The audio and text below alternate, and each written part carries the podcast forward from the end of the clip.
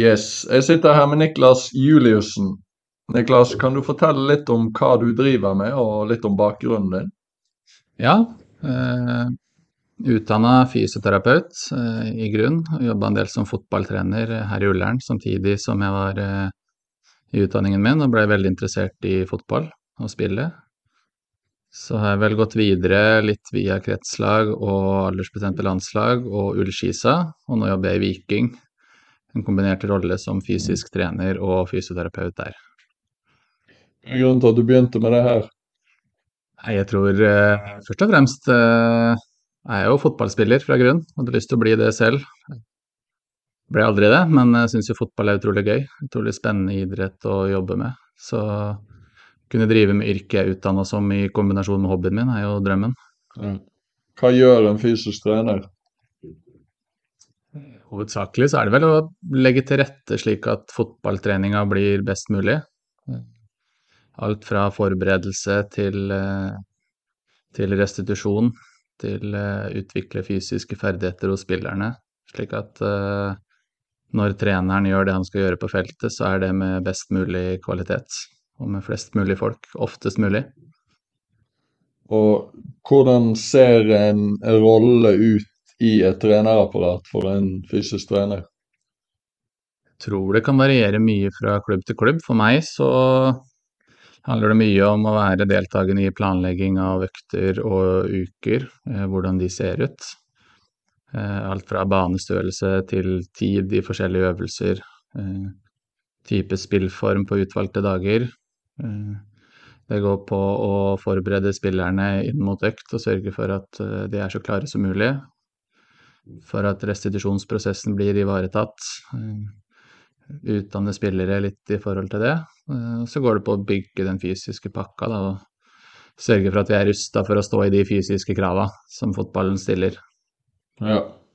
Min, eh, mitt eh, perspektiv er at jeg ofte ser at hovedtrenere på en måte bare setter vekk en del av innholdet i en trening til en fysisk trener, til en keepertrener eller hva det måtte være.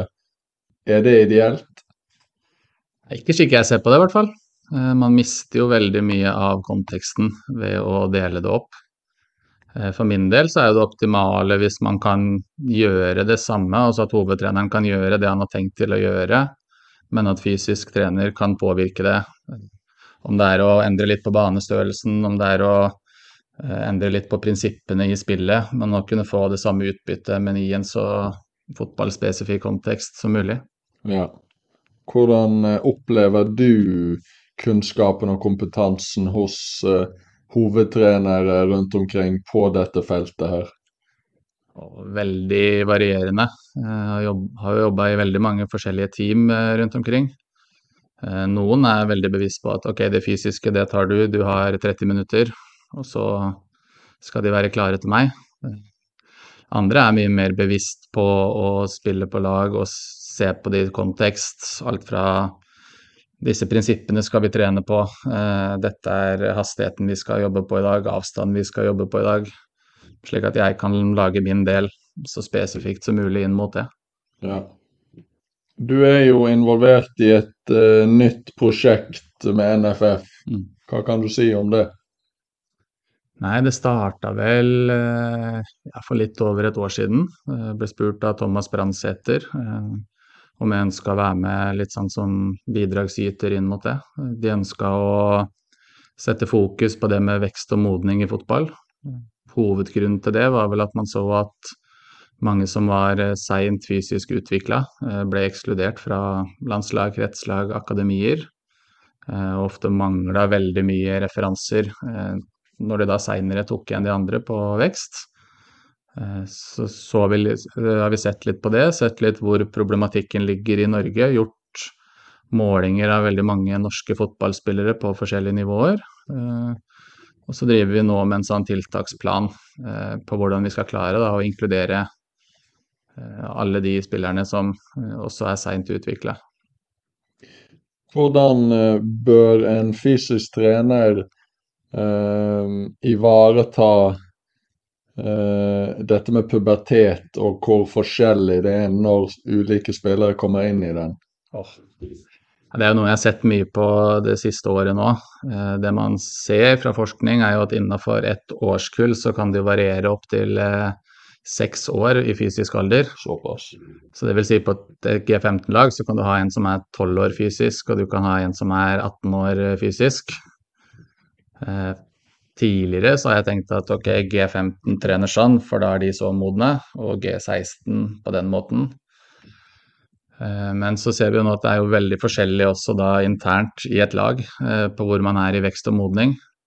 Så når man kan ha innsikt i det, så kan man også vite litt bedre hvilken type trening man responderer best på.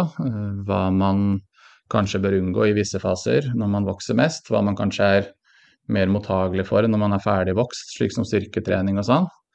Og på den måten kunne individuelt tilpasse det i større grad.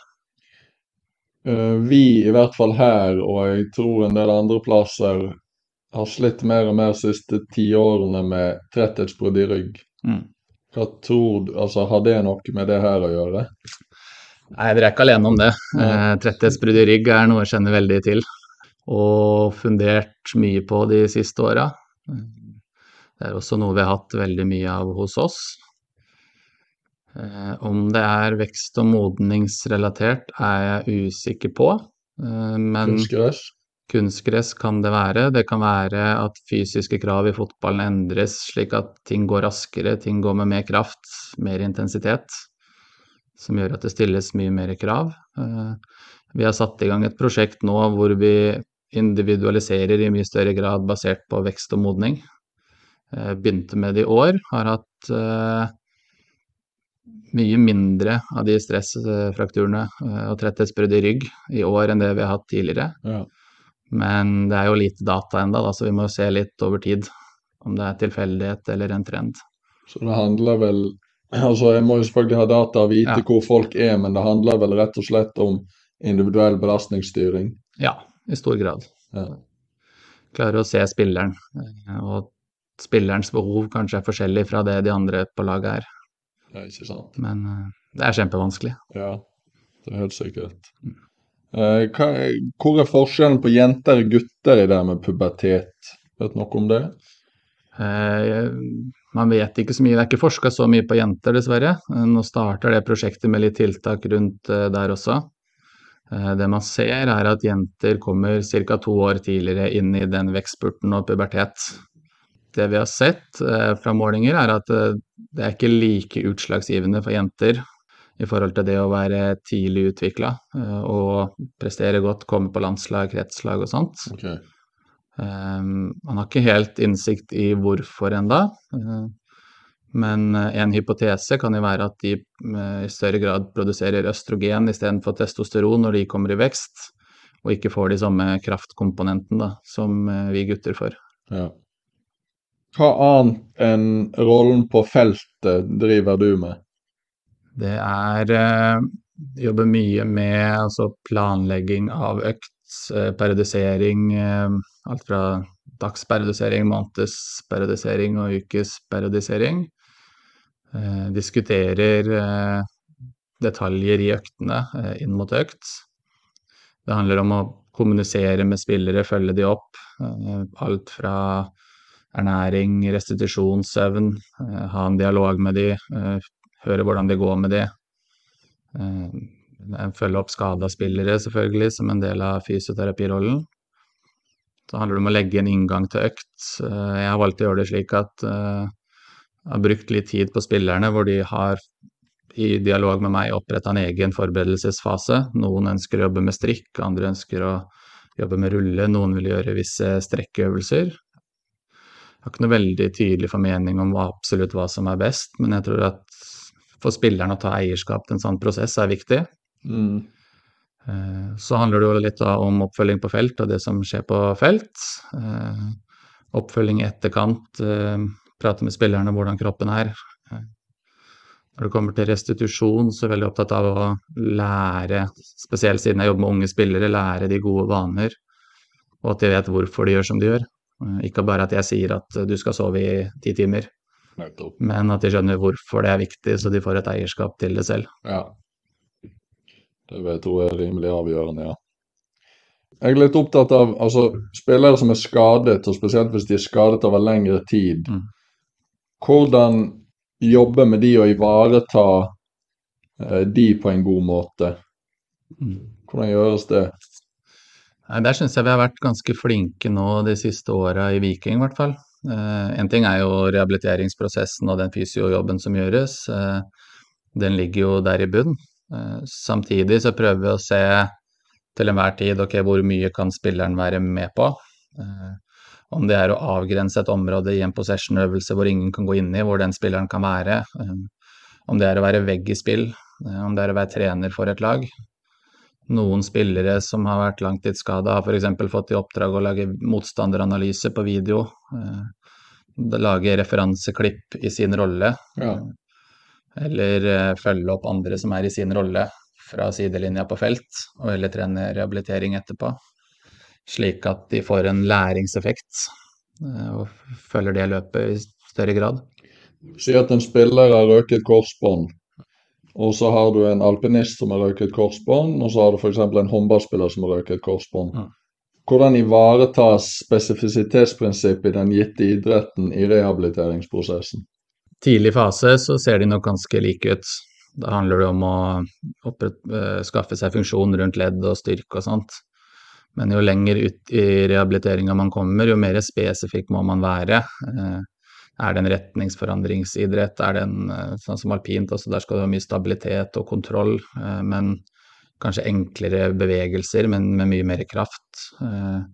Fotball eller ballidrett har jo kommet nå med det fra kontroll til kaos-kontinuumet, som handler om å Altså fotballspill er kaotisk i prinsipp. Det kan være ti sprinter på fem minutter, og så kan det være ingen de neste 85. Eh, det kan være dueller, dytter, eh, uforutsette ting som skjer. Så jeg tror det handler mye om å tidlig komme inn på det, da, at ikke alt hele tiden er forutsett. Eh, hodet er distrahert fra det kroppen skal gjøre, for det vil ofte tenke valg og taktikk. Mm. Og når du jobber utenfor banen, så si at du jobber i styrkerommet, eller du jobber med hurtighet og spenst, som ofte blir omtalt som den hellige gral av uh, i hvert fall de rundt. Hvordan igjen bevare spesifisitetsprinsippet når du jobber utenfor banen?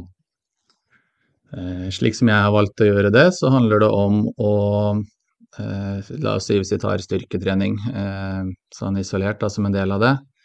Så handler det om å se litt hvilke bevegelser eh, fotball eh, krever. bryte ned bevegelsene og se litt på hvordan musklene jobber. Eh, ta med hele skjeden, lukka skjeder. Eh, gjør man med rotasjon, stabilitet i overkropp.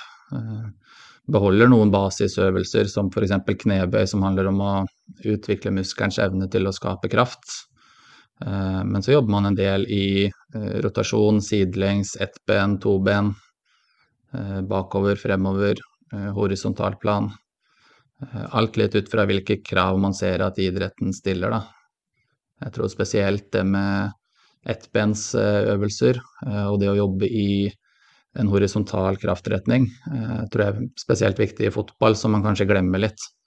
Veldig mange øvelser går på å jobbe i vertikal kraftretning. Ja. Tror du, hvis du prøver å zoome ut, at det er nødvendig å gjøre dette hvis du skal bli god i fotball? Eller holder det å kun være ute på banen? Jeg tror det kan holde å kun være ute på banen. Eh, men du er avhengig av litt heldig genetikk. For jeg mm. tror kraft og styrke blir, er og blir en viktigere, viktigere del av fotball. For noen så har de det litt genetisk og har mindre behov for å gjøre det på gymmen. Eh, så det er klart fotballen skal komme først. For andre så vil det å jobbe med styrke, gjøre gjør at de aksjonene de gjør på fotballbanen blir raskere og bedre. Eh, og vil da ha en fordel for det. Mm. Så ja, for de fleste. Og så er noen heldige, tror jeg. Ja, for Hvis du ser, ta et eksempel, da. Som Riyad Mares, som har fyrstikk, armer og bein. Ja. og så vet vi ikke hva han har gjort, Nei. men det ser ikke ut som han har vært i bua så mye. Nei.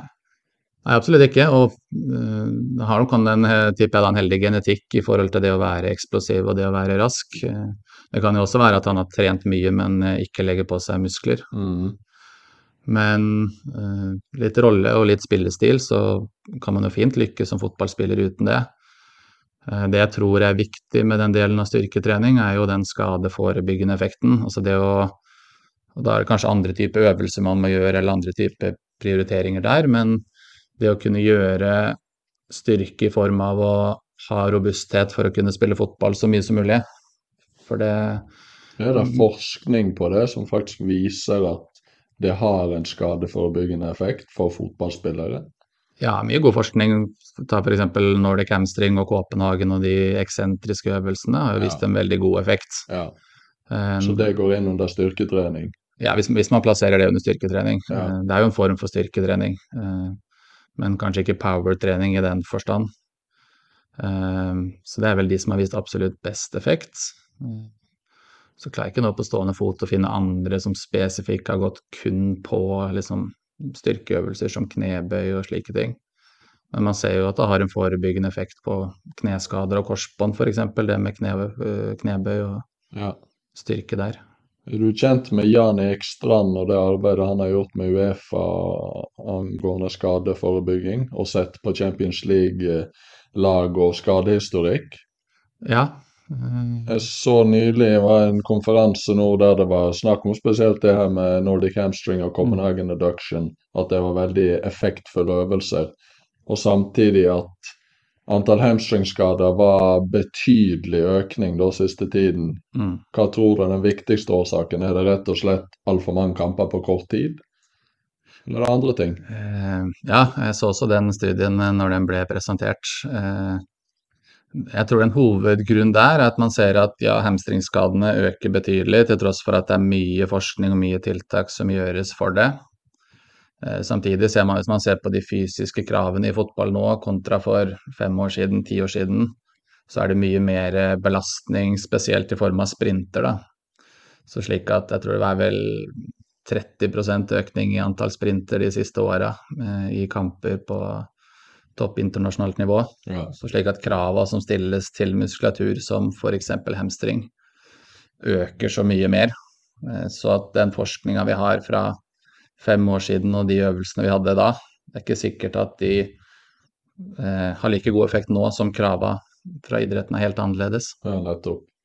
Kan du si litt mer om den eh, endringen i antall sprintmeter og, og rett og slett antall sprinter, utviklingen der? Hvordan er den i Norge sammenlignet med f.eks. de topp fem-ligaene? Vet vi det? Man har jo litt informasjon som ligger der ute, men det er vanskelig å verifisere eh, dataen som ligger der. For det er noe som er litt fra tvilsomme kilder og litt sånt. Men eh, man ser jo at eh, også i Norge så øker det veldig mye. Og de siste året har eh, de rollekravene jeg har klart å finne, både fra egen klubb og fra andre klubber, eh, økt betraktelig. Jeg tror bare fra jeg begynte, så har vel de fleste rollene økt 20% i antall sprinter. Eh, Og hvor mange år er det over? det er over to år. Riktig. Så det er veldig tydelig at det skjer ting. Ja. Eh, og så snakka litt med andre fysiske trenere òg, som sier at det har blitt helt nye krav som stilles, mest på det med sprinter. da. Fysiske tester. Mm. Hvorfor gjøres det? Hva er verdien? En del er eh, skaderisikovurdering.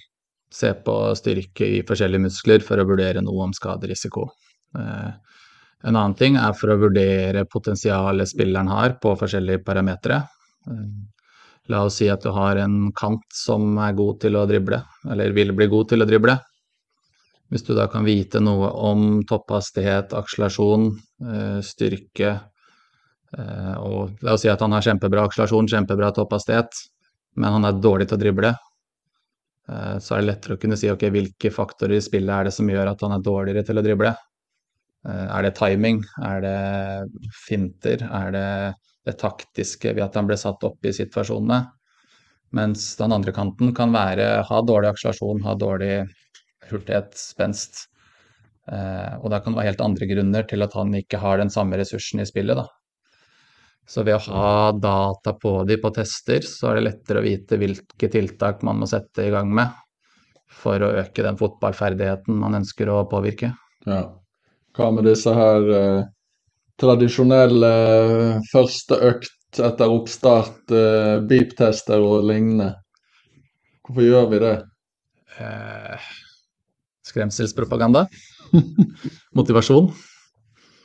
Eh, nei, altså jeg tror det er jo en sånn Mye som gjøres i fotball en dag i dag, tror jeg er litt sånn fordi man alltid har gjort det. Eh, vi, har ikke, vi har også hatt det nå, men vi bruker jo ikke de testene til noe spesielt i korrigering av treningsbelastning eller noen sånne ting. Eh, det kan være at det gjøres som motivasjon for å, at spillerne skal ha en grunn til å gjøre egentreningsprogrammet. Mm. Men min mening er jo litt hvis de må ha det som motivasjon til å trene, så har de dårlige forutsetninger for å bli fotballspillere. Ja. Jeg bruker oftere altså GPS-data eh, for å vurdere utholdenhetsparametere. Så kan jo en kamp variere fra, fra kampbilde til kampbilde, men ser man over tid, så vil man jo få ut litt nøkkelfaktorer som viser noen spillerens evne til totaldistanse eller antall sprinter. ja, for når vi er inne på GPS, det er et av punktene mine. Ja. Altså, det er jo, jeg håper å si, eh, en eh, veldig langt unna disse satellittene, eh, som gjør at det kan være rimelig upålitelig, altså væravhengig, eh, bygninger, trær i veien osv. Hvordan tas det eh, hensyn til når en vurderer disse dataene en får? Nei, jeg velger å stole på de dataene som kommer, eh, men så eh, er det jo ikke sånn at GPS-data alltid er fasiten. Eh, fasiten er jo det som skjer i spill, og så kan man bruke GPS-data for å underbygge, eh, enten bekrefte eller avkrefte om det man ser eh, er riktig. Eh, Er vi flinke til det? Jeg tror noen er flinke til det.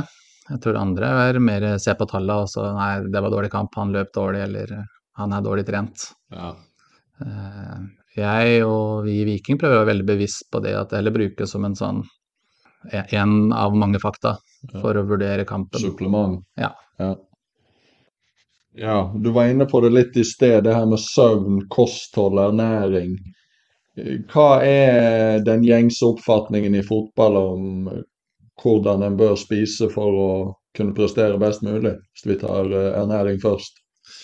Næring. Nå kom jo Uefa ut med en sånn nutrition statement, jeg lurer på om det her var i 2020, eh, som oppsummerte det meste av forskning rundt emnet ganske bra, syns jeg. Eh, Den snakker jo veldig mye om eh, karbohydrater, eh, spesielt inn mot kamp, og det å ha nok, nok energi i form av karbohydrater tilgjengelig. Og hvordan hvis man mangler litt av det, så har det en veldig prestasjonshemmende effekt. Så jeg tror man er veldig, veldig bevisst der. Det opplever jeg også at det der kampmåltidet er veldig hellig. Og så tror jeg man er opptatt av restitusjonsbiten, få i seg noe raskt. Eh, Der opplever jeg at mange er flinke. Eh, Når det gjelder den generelle, liksom grunnleggende ernæringa, så tror jeg det er vanskeligere å eh, styre. Det kan handle litt om ressurser man har rundt fotballen også. Eh, Jeg jobber jo litt med det, men jeg er jo langt fra noe ernæringsfysiolog. Så jeg skulle gjerne hatt mer kompetanse rundt meg på det feltet. Og skal også være litt forsiktig med hvor mye jeg påberoper meg å kunne og lære bort. Mm. Så jeg må på en måte velge ut litt mine kamper, og da går det hovedsakelig på eh, økt og næringsinnhold inn mot økt, da, og ut av økt, som har vært hovedpri for meg å sette meg inn i.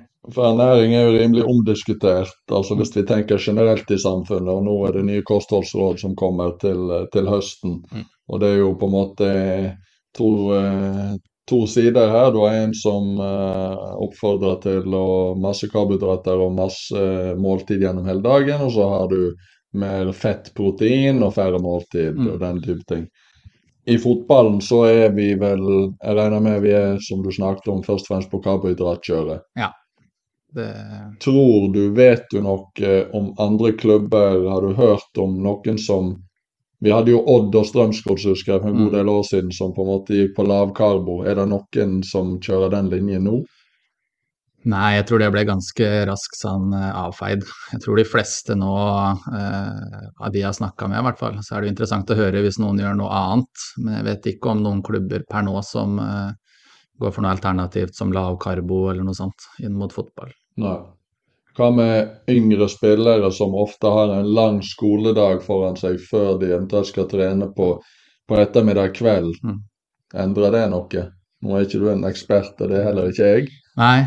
Eh, hadde jo et sånt foredrag med ernæringsfysiolog fra Olympiatoppen på dette her. Eh, og det man ser på spesielt yngre spillere da, som er på skole, eh, mange av de har toppidrettsfag eller idrettsfag på skolen hvor man har en hard trening, og så har man noen brødskiver, og så har man en ny trening. Og så har man ofte en stor middag hvor veldig mye av de energikildene de skal få i seg, kommer gjennom middagen. Ja. Eh, Og det er jo ganske uhensiktsmessig for prestasjon, både med tanke på lageret inn mot den ettermiddagsøkten, men også for restitusjonseffekten av den første økta. da. ja.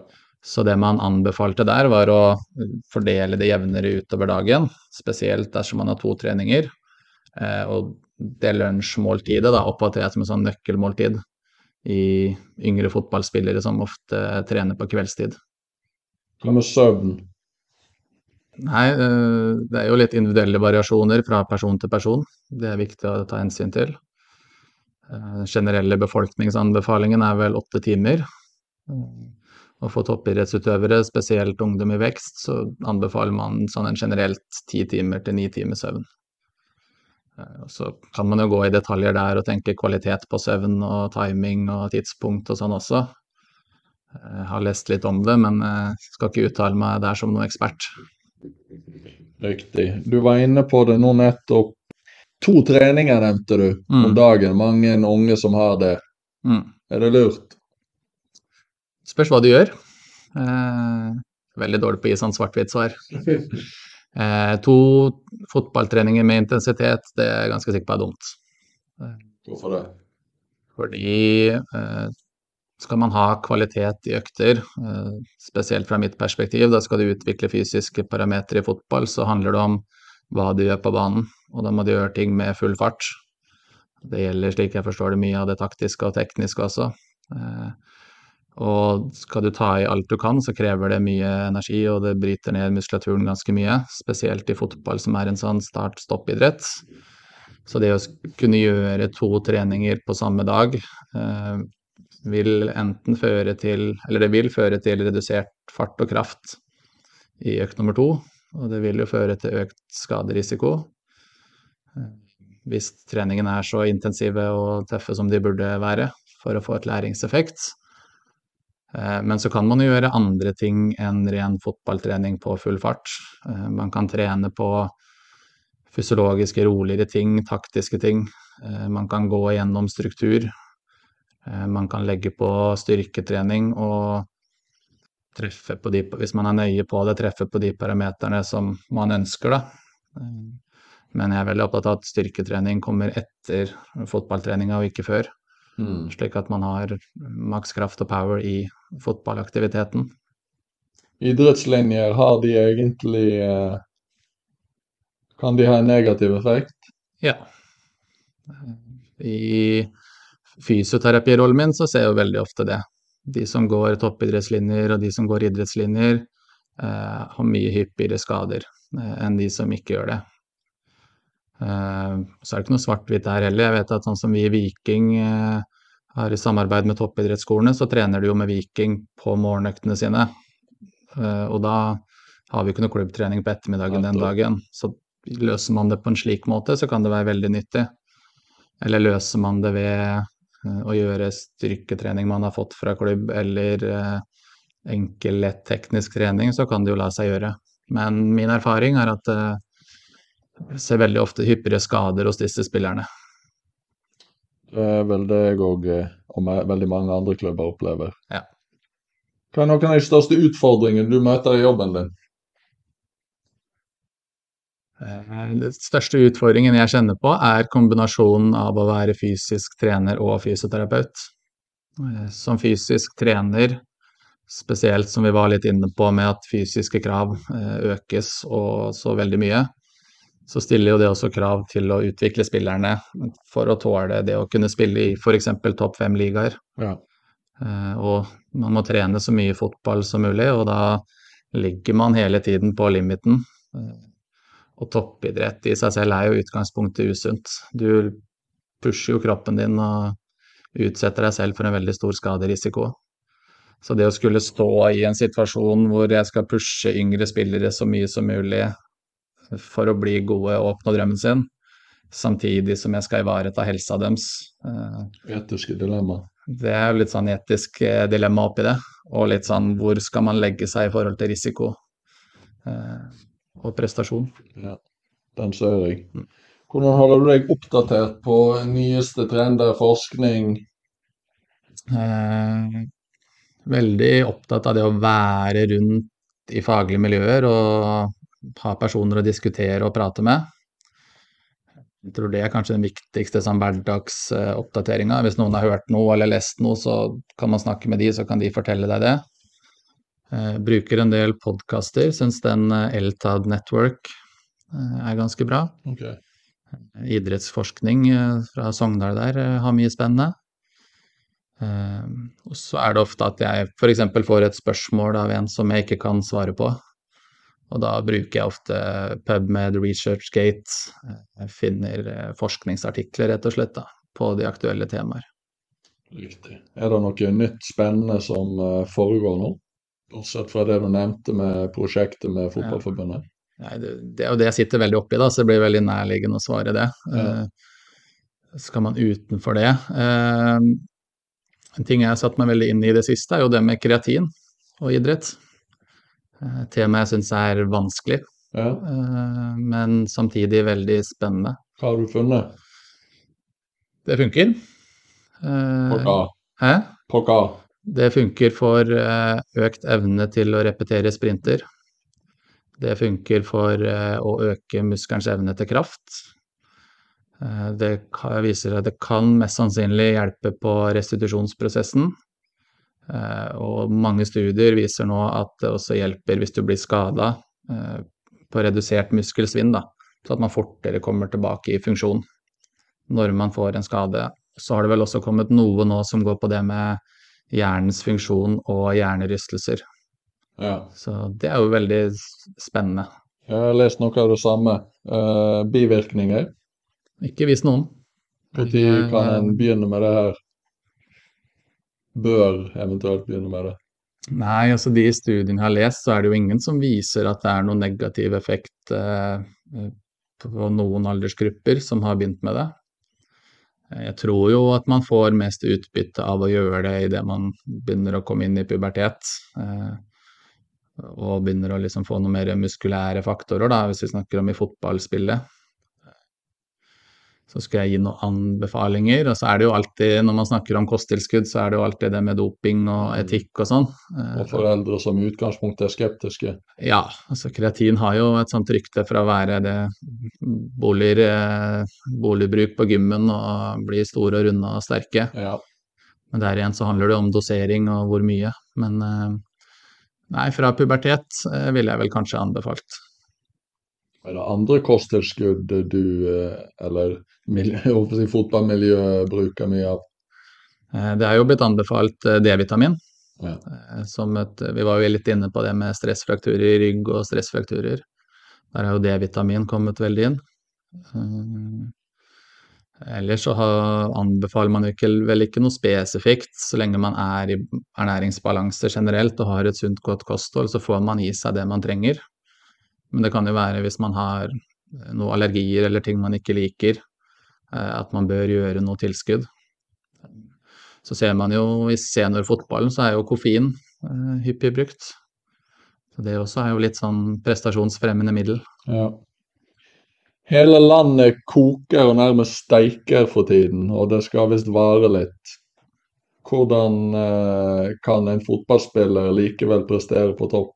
Det er så varmt. Jeg tror væskebalanse er det viktigste. Og kanskje da ha væske med noe eh, salter, altså i form av sportsdrikk eller salttablett. Eh, drikke nok og drikke ofte nok.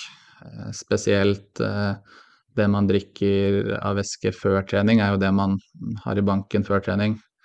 Idet treninga starter og det man fyller på underveis, går jo mer på restitusjonskvote. Eh, og så har ikke jeg nok kompetanse for å uttale meg om andre ting.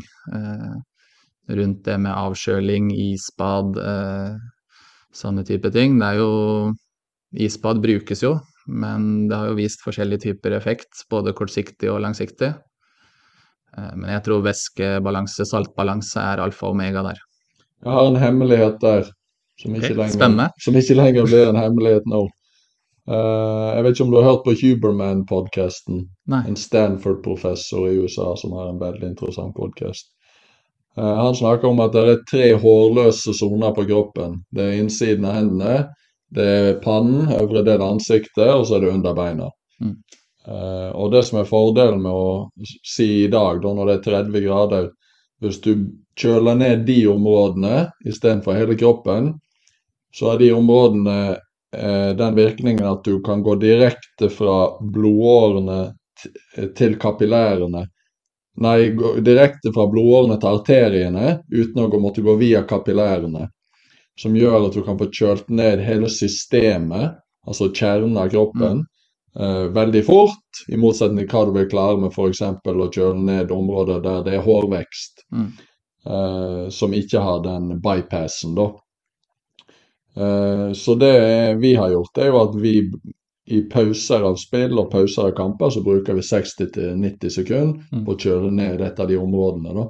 Og den, i hvert fall den subjektive følelsen til spilleren er at dette var veldig, veldig bra. Og teorien bak er jo at musklene skal fortsette å kunne jobbe på 100 Mm. selv om det er varmt ute. Mm. Det er jo veldig interessant.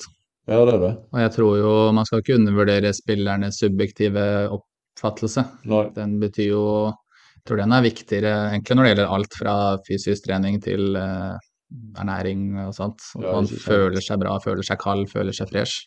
Nettopp. Uh, har det noe å si, jeg ble litt interessert nå, Uh, kommer sikkert til å be deg om den artikkelen seinere, Ja. men at det er perifert på kroppen, altså i kroppens ytterpunkter, er det en vesentlig faktor her, eller handler det mer om kapillære overganger? Ja, sånn som jeg har forstått, så er det pga. Altså, det er hårløst, da. Ja. Det eneste hårløse, hårløse sonene på, på kroppen. Og da kan du hoppe over et steg som du ikke kan gjøre på andre deler av kroppen. Mm. Og derfor vil ikke et isbad eller en kjølevest eller å kjøle ned toppen av hodet Mm. ha effekten. Det kan til og med ha motsatt effekt. Mm. Eh, Så, og så er det et selskap i USA som har utarbeidet en sånn eh, hanske. Det er for, først og fremst vært i forbindelse med militæret, da. Mm. Men de har vist styrketre, altså de har gjort en del forskning på styrketrening og gjort eh, spesifikt på hangups, da. Så en helt enorm effekt på veldig kort tid på hvor mange hangups du klarer å ta. Der de sammenlignet både doping og ikke Ja. nedkjøling og nedkjøling, så den effekten var helt enorm. Er det fingre? Det var hendene av innsiden av, ja. innsiden, innsiden av håndflaten. Ja. Så det på akutt effekt, eller langtidseffekt da? Ja, akutt, altså økningen i, i f.eks. hangups der var jo på 300-400% på en uke eller noe sånt. Så det var helt vilt. ja, det er veldig interessant. Så det er jo begynt kommersielt salg nå av, av den hansken. For den, den optimaliserer jo akkurat temperaturen du bør ha, for det er jo forskning på akkurat hvordan temperaturen Ja, bør være. Men du kan jo gjøre det så enkelt at du bare har et iselement i en kjølebag, og så Mm. bruker du det i et minutt i pausen av kamp. Ja, ja, interessant. Ja, det er det. Har de sett noe på langtidseffekt av dette her? Det er godt mulig, men det har ikke jeg fått med meg. Nei. Men det går veldig i dybden der, så, så jeg anbefaler å høre de episodene om nedkjøling. Nei, men spennende. Kanskje det blir mitt nye prosjekt. Ja, jeg tror det er noe kommersielt å hente for de som går inn i det. der. Ja. Eh, Er det noe jeg ikke har spurt om, noe du vil fortelle? Hva er ditt syn på fysisk trening? Fysi å ha en fysisk trener? Er det noe du som trener, si du jobber i en, eh, i en klubb hvor det kanskje ikke er så mye ressurser at du kan velge og vrake i et trenerapparat. Eh, Er fysisk trener noe du vil prioritere, Eh, og i hvor stor grad? Tipper du vet svaret. Jeg er jo delvis utdannet gjennom eh, Ferheien, da, som du, som du Mm. er klar over, og som er meget omdiskutert. Først og fremst tror jeg pga. væremåte. Mm. Jeg tror jo det at det er viktig at eh, hovedtreneren har litt kunnskap om alt. Mm. Selvfølgelig veldig om selve spillet, men litt kunnskap om alt, sånn at han i hvert fall kan delta i diskusjonen og utfordre de andre i trenerapparatet. At han ikke bare OK, du gjør det, og så ses vi om en halvtime. Ja. Det blir helt feil for meg. Samme med å Samme med keepertreneren, at keepertreneren skal gå ned i hjørnet med keeperen i 30 minutter. Mm. De skal tross alt spille kamp sammen med de andre ti. Så sånne ting for meg er helt meningsløst, jeg skjønner det ikke. Og det må være fryktelig mange prosenter å hente der, Mm. hvis en snur om på det.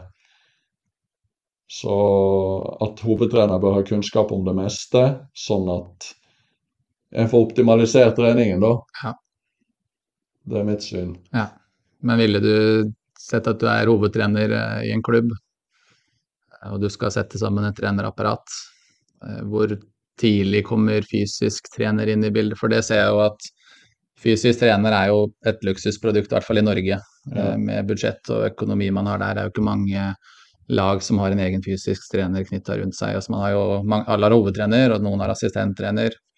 Så kommer analyse, keepertrener. Eh, Hvilken prioriteringsrekke der vil du sette fysisk trener inn, er jo litt interessant. Ja, nei, jeg ville i hvert fall sørget for at Altså, jeg hadde ikke nødvendigvis kalt det fysisk trener eller keepertrener. Jeg ville gjerne kalt det assistent 1-2 eller medtrener, og sørge for at den har kompetanse og kunnskap som jeg ikke har. Ja. Men vært veldig tydelig på at du må kunne fotball. Du må ha god kjennskap til hvordan fotballspillet funker. For dette Én ting er å uh, klare å øke antall sprinter du gjør, men du skal jo sprinte når det er riktig, Mm. ut fra hvordan laget ønsker å spille, og hva laget ønsker å oppnå. Så min oppfatning er at du altfor ofte ser at ok, han må sprinte oftere, eller han må løpe lengre. I forhold til hva? Ja. Jeg er veldig enig. Eh, Det er jo ting jeg er veldig opptatt av også. Hvis jeg skal påvirke en spiller til å sprinte oftere, så må det jo være i en riktig taktisk setting. Ja. Så da må man jo bruke video, eller hvis jeg er på felt og skal jobbe med å se på sprinter, da, eller maksimale mobiliseringer, og jeg lærer spilleren det når det er feil tidspunkt, så går jo vinninga helt opp i spinninga. Nettopp. Det tror jeg eh, veldig få er reflektert rundt, da. Eh, Det tror jeg også. Eh, Ting man glemmer litt. Ja. Eller hvis man skal vurdere en kamp, eh, som vi var litt inne på, og se på en Becks prestasjon, så handler det veldig mye om spillestil, motspill. Hvilken spiller går du i press på? Man må ha en viss grunnforståelse av det fotballtaktiske for å forstå de fysiske krava. Ja, for du har jo eksempler der Si at en eh, Si at en eh, sentral spiller i det midtre leddet GPS-en viser i etterkant at du har ikke løpt nok, men han har spilt en fantastisk fotballkamp. Ja. Og så skal han løpe etter kampen. Det gir ikke mening for meg. Nei. Nei, helt enig. Så det spørs jo litt eh, på totalbildet og litt sånn. Det kan være sjeldne ganger hvor det kan være hensiktsmessig, men Ja. etter du har spilt en full kamp, så bør du ikke løpe noe ekstra uansett. Nei. Eh, Det skal du klare å kompensere for i treningsuka. Ja. Eh, Men det kan jo være at denne spilleren, for å sette det helt på spissen, da, hvis jeg skulle valgt ett tilfelle hvor det kunne vært aktuelt, skal ha Vi var litt inne på det med skadeforebygging. Og det å ha jevnt antall sprinter hver uke er jo en veldig skadeforebyggende effekt for hamstring. ja. Eh, Kanskje den som viser seg å være den beste nå. Og så har du i løpet av en treningsuke, sier han midtbanespilleren skal ha ti sprinter, og så sparer du det til kamp, for han pleier å få de ti på kamp. Og så har han null den kampdagen, og så har han to restitusjonsdager. Så kanskje du bare vil ha de ti sprintene som et rehabiliteringsperspektiv, eller som en forebyggende trening. Ja. Eh, I så måte kan det være hensiktsmessig. Men da har du gjort en grundig evaluering, reflektert rundt det og kommet frem til at Ja. i dette tilfellet er det smart. Det Det er ikke vel- bare å se på dataen, ok, nå må du gjøre det. Det er vel eneste grunnen jeg kunne argumentert for det. Ja, ikke sant. Uh, hva er din drømmejobb? Hvor kunne du ideelt sett ønske deg å jobbe, og håper hvordan? Jeg trives jo veldig godt der jeg er nå. Så kan jo det endre seg hele tiden. Når Real Madrid ringer i morgen, så sier du nei, med andre ord. Nei, og det jeg skal være veldig ærlig på det. Det handler jo litt om økonomi og muligheter videre og CV og alt mulig sånt. Men uh, la oss ta det i litt mer reelt perspektiv. Da. Hvis en eliteserieklubb eh, skulle ringt meg nå uh, og spurt om det var aktuelt uh, Ja, A-lag snakker vi da. A-lag, eliteserielag, så ville det vært spørs litt på hvordan type rolle det var. Hvis det hadde vært bare å kna spillere eh, før trening og lede oppvarming. Så det har vært mye mindre aktuelt enn å jobbe for et eh, eh akademilag. Og Mm. kunne påvirke og gjøre endringer i så stor grad som jeg gjør nå. Så det måtte nok vært eh, selvfølgelig så høyt opp og med de beste spillerne som mulig. Men jeg hadde nok vært avhengig av å kunne påvirke i en grad. Ja, så være en del av noe, Mm. noe litt større enn bare å utføre to oppgaver. Ja. Til slutt så spør jeg alle hva er meningen med livet? Oi, den var dyp. Den er dyp. Glede. Få mest mulig glede. Finne det som gjør en glad, og gjøre det så ofte som mulig. For deg selv og for andre. Det høres bra ut. Ja. Lykke til med ferden videre, og takk for praten. Tusen takk for det. Tusen takk for at du hørte på Bendixen Airways. Dersom du har tips, kommentarer eller vil gi en vurdering av episoden, så gjør gjerne det. Det setter jeg stor pris på.